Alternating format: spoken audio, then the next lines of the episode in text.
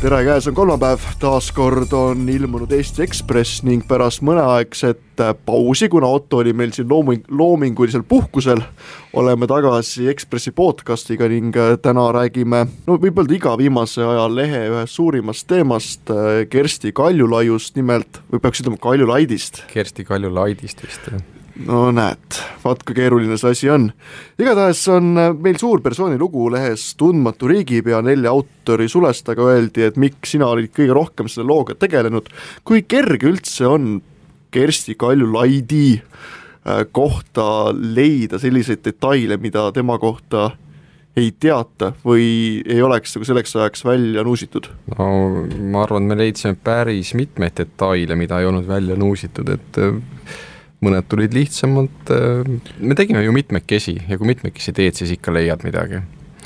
et ta sai ju presidendiks väga kiiresti nädala ajaga ja, ja tõsi on see, et inimesed ei teadnud teda, ajakirjanikud ei teadnud teda, et noh, teati, et ta on Euroopa Kontrollikojast ja enne seda oli Mart Laari nõunik, aga noh. kes ta on, seda ei teatud. jah, täpselt, mis ta nagu enne tegi või, või, või kust ta tuli või mis ta õppis või kui ma aru saan, siis äh, Kersti Kaljulaid on üks suurimaid, Eesti suurimaid kas musträsta või laulurästa, mis iganes see rästalik oli, spetsialist Eestis äh,?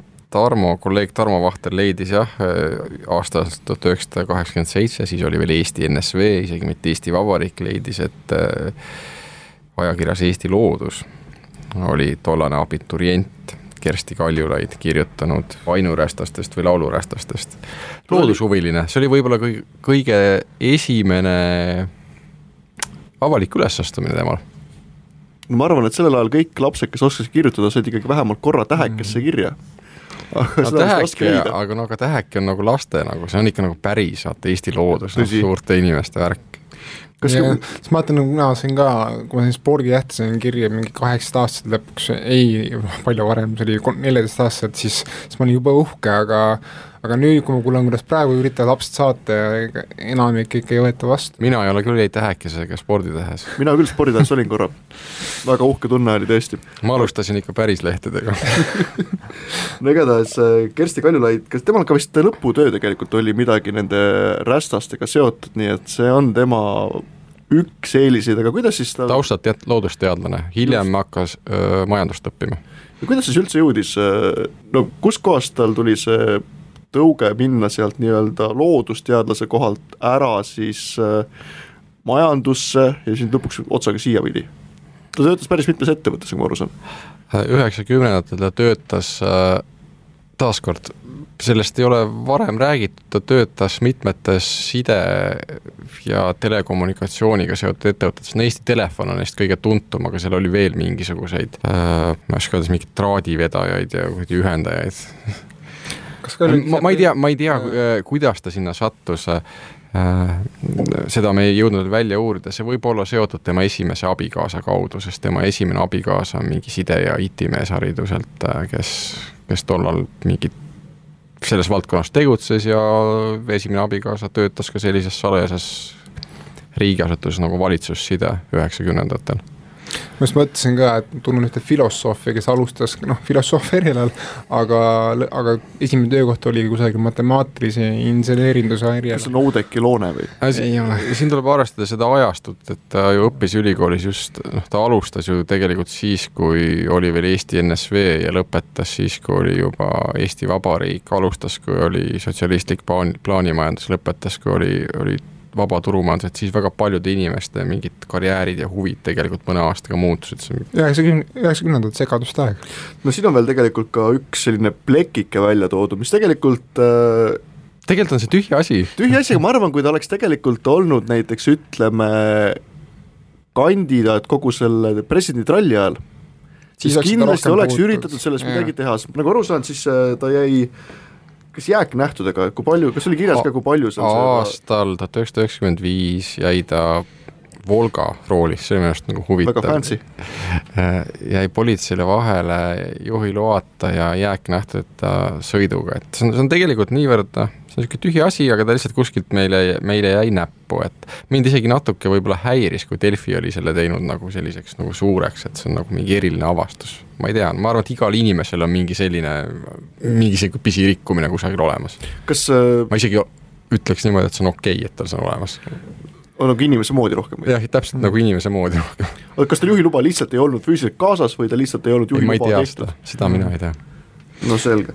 mina hakkasin mõtlema selle peale, et äh, see on nagu rohkem oletamine, aga niisugune huvitav stsenaarium, kes, kes, kes läbi, kas, kas see on ainukene stsenaarium, kus Kristi Kaljulaid oleks tulnud presidendi, kus, kus Kaljulaid sai presidendiks, sellepärast et kui ta oleks hakanud varem kampaaniat tegema koos teistega, kas tal oleks üldse võimalust olnud, see on, noh, anna oma hinnang lihtsalt. no ta on äh, paar aastat sellises noh, mingis listis olnud, mitte võib-olla esimese kolme-nelja või viie seas, aga aga seejärel on ikka nimetatud, oh presidendiks võiks noh, jah, Kersti Kaljulaid ka, et ta on Euroopa Kontrollikojas ja juhtinud ja tähtis ja noh, et ta on kusagil nagu kogu aeg nagu olnud, mitte esimeses valikus, aga ikka olnud, et et ma ei tea, mis oleks juhtunud siis, kui ta oleks äh, kandideerinud varem siis oleks ta ilmselt käidud mingisuguse erakonna poolt välja, siis oleks tal olnud mingi erakonna märk küljes, mida tal praegu ei olnud ja mida nagu üritati ka väga vältida, kuigi ta on tegelikult ju taustalt äh, Isamaaliidu inimene, aga noh, ja nüüd tehti mõne päevaga ta ära. ma, ma tõesti ei tea, ma arvan, et tal oleks kindlasti palju raskem olnud siis.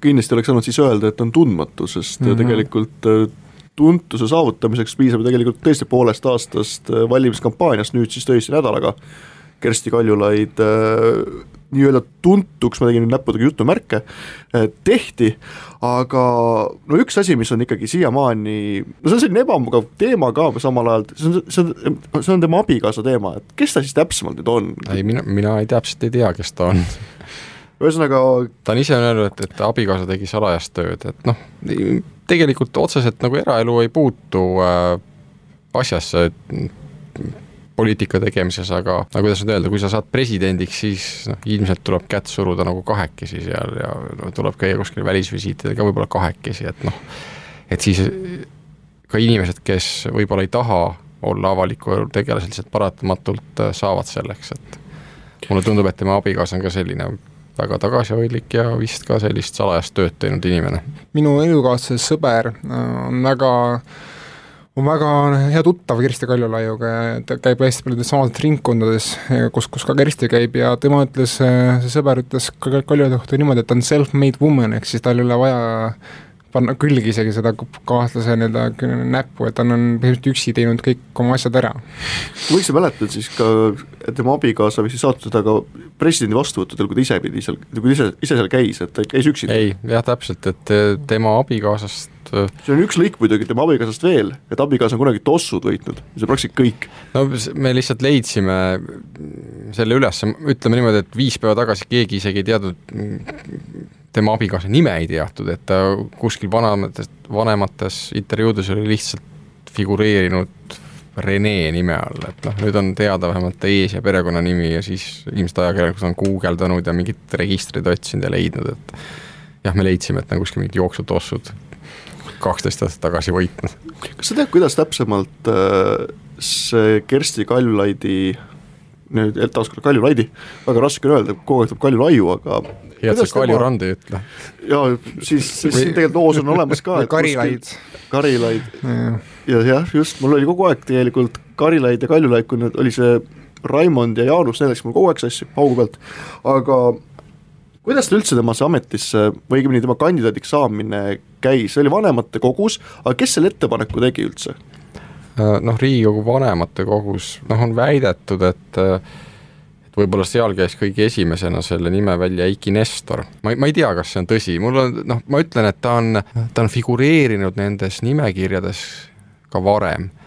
ja ma oletan, et tema peale tulid mitmed inimesed korraga, et oo võiks nagu kaaluda ka Kersti Kaljulaidi ja võiks talt küsida, et äkki tema oleks huvitatud ma arvan, et seal ei ole sellist ühte konkreetset ristiema või ristiisa, kes oli nüüd, võttis ta kusagilt kapist välja ja tõstis, et näed, siin on Kersti Kaljulaid.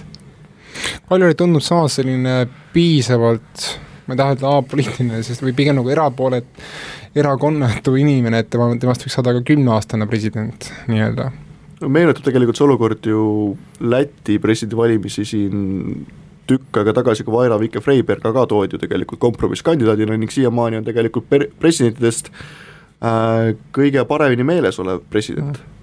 jah, nagu ma aru saan, siis äh, räägid, no üks soosikuid, kellest alati räägiti naiste kontekstis oli Ülle Madise, tema siis äh, väidetavalt äh, loobus ise. noh Ülle Madiset on jah ka mainitud, et äh, kuuldavasti tema käest küsiti, ta loobus ise, aga, aga ma tean, et siin paar erakonnajuhti ka arvasid, et võib-olla mm, Ülle Madise ei ole veel valmis või et tal natuke liiga vara, et noh, tegelikult ta alles sai õiguskantsleriks, ta pole, tal pole ennem isegi ühtegi juhtivat kohta olnud, et üks äh, erakonnajuht ütles mulle, et noh, las teeb vähemalt ühe nagu ametiaja mingis kõrges ametis nagu läbi, et enne ta on olnud ikka selline noh, mingi nagu nõuniku tasemel. Et Kersti Kaljulaid on ikkagi Euroopa Kontrollikojas olnud kaksteist aastat ja ta on juhtinud erinevaid asutusi, olnud noh jah, Laari nõunik ja siis elektrijaamu juhtis ja pärast läks Euroopasse, et noh, tal on selline mingi niisugune karjäär on olemas, et noh, Ülle Madisel lihtsalt veel ei ole sellist, et ta on olnud jah, presidendi õigusnõunik ja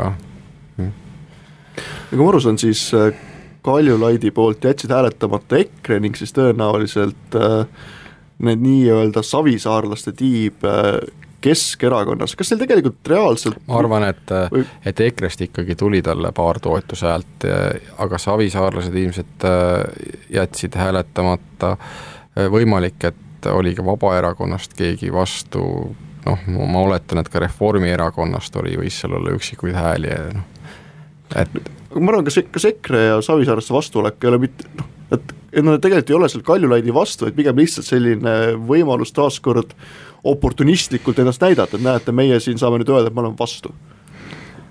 sest EKRE sai, EKRE sai tegelikult ju tähelepanu sellega, Vabaerakond näiteks olid, nemad olid täitsa vait, mitte midagi, keegi ei tähele pannud. Vabaerakond ongi enamus ajast poja peaaegu vait.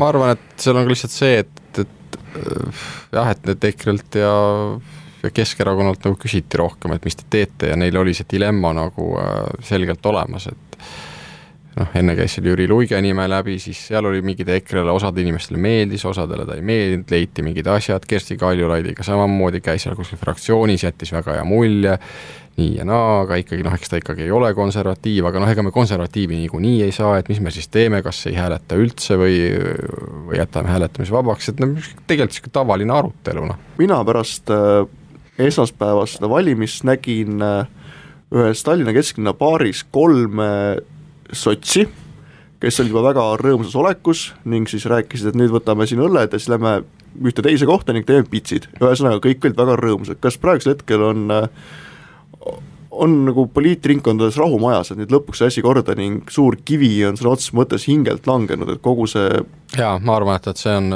see on kindlasti, see on olemas, tegelikult kui esmaspäeval äh, Kersti Kaljulaidi Riigikogus valiti, ega seal Riigikogus oli see ka noh, seda suurt entusiasmi ei olnud, tead, inimesed on lihtsalt väsinud mingeid nädalaid või kuid ja tead, kogu see kuradi motivatsioon on maha läinud ja siis no, no okei okay,, valiti ära, no selge, väga hea, noh lõpuks ometi. kui solvunud võib olla Jüri Luik või kas ta üldse on ma arvan, et ta ei ole solvunud või no ma ei tea, ma ei ole temaga rääkinud, aga miks ta peaks olema solvunud? see on, räägiti, et Ilves helistas inimestele, ta ju ei kandideerinud tegelikult. noh, ta kand-, ta otseselt ei kandideerinud jah, ta oli see kandidaatide hulgas lihtsalt, aga ei võetudki lõpuks tõsiselt juttu. no võib-olla Ilves kellegagi rääkis Taavi Rõivasega, et ma ei usu, et, et ta, et Ilves nüüd väga isiklikult kellelegi teisele sinna väga helistas sellel teemal. Kas on ku- kuulda ka olnud midagi Kersti Kaljulaidi kohta, et kas äh, tema puhul kardetakse midagi, et ta millegagi ei saa hakkama või, või äkki on midagi, mingi valdkond, mida ta üldse ei kata või, või on tema iseloomus mingisuguseid asju, sest kunagi ju näiteks Marina Kaljurandi ranna kohta just minu arust öeldi kunagi, et tal on nagu, ega see iseloom ei olegi kergem, et see võib tema takistuseks olla kas Kaljulaidil ka midagi on sellist, mille kohta vaadatakse, et no et äkki, äkki sealt tuleb midagi? võib-olla mingid välis- ja julgeolekuteemad, aga mulle tundub, et, et kõige suurem oht äh, või mida võidakse karta või mida mõned kardavad, on see, et, et kuna ta on ta on ikkagi täitsa tundmatu ja poliitiliselt tundmatu ja ta on ära Euroopas olnud, et noh, äkki tuleb sealt mingi selline ma ei tea, üllatus.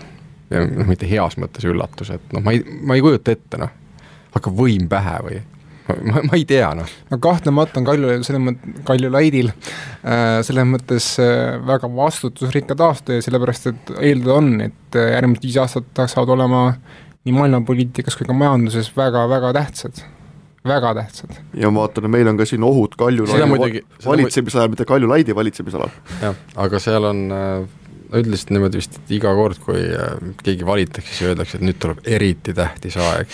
eriti tähtsad, noh, küll Eestis või maailmas. vähemalt minu mälu järgi on see alati see võiks küll olla, et ma saan aru, presidendiks tuleb täiesti mõttetu aeg, et no mitte midagi ei toimu, nii et võtame nüüd rahulikult, teeme selle asja ära ning kõik on hästi, nii ma arvan mina muuseas oleks tahtnud presidendiks sellist inimest, kes oleks öelnud, et valige mind ära, ma ei tee mitte midagi jätan teid rahule, ei koti teid.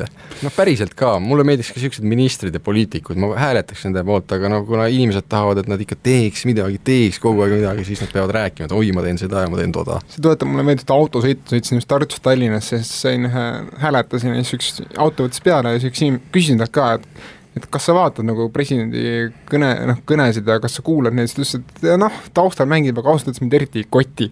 ja see nüüd tundus olevat ka üldse valitsev foon minu sõpruskonna hulgas. ma pean tunnistama, ka mina ei kuula neid kõnesid, aga, aga noh, ma ei tea, kas seda tasub öelda või mitte, pärast kõik analüüsivad, kõik räägivad väga targalt, et jaa, jaa, et nüüd öeldi tõesti, et me peaksime üksteisega rohkem arvestama, et nüüd on, nüüd maailm muutub. aga aitäh, Mikk, Mikk, et aega said, et rääkida Kersti Kaljulaidist, loodame, et äh, viie aastaga harjume ära ütlema Kersti Kaljulaidi, mitte Kaljulaiu, ning et äh, viie aasta jooksul ei toimu mitte midagi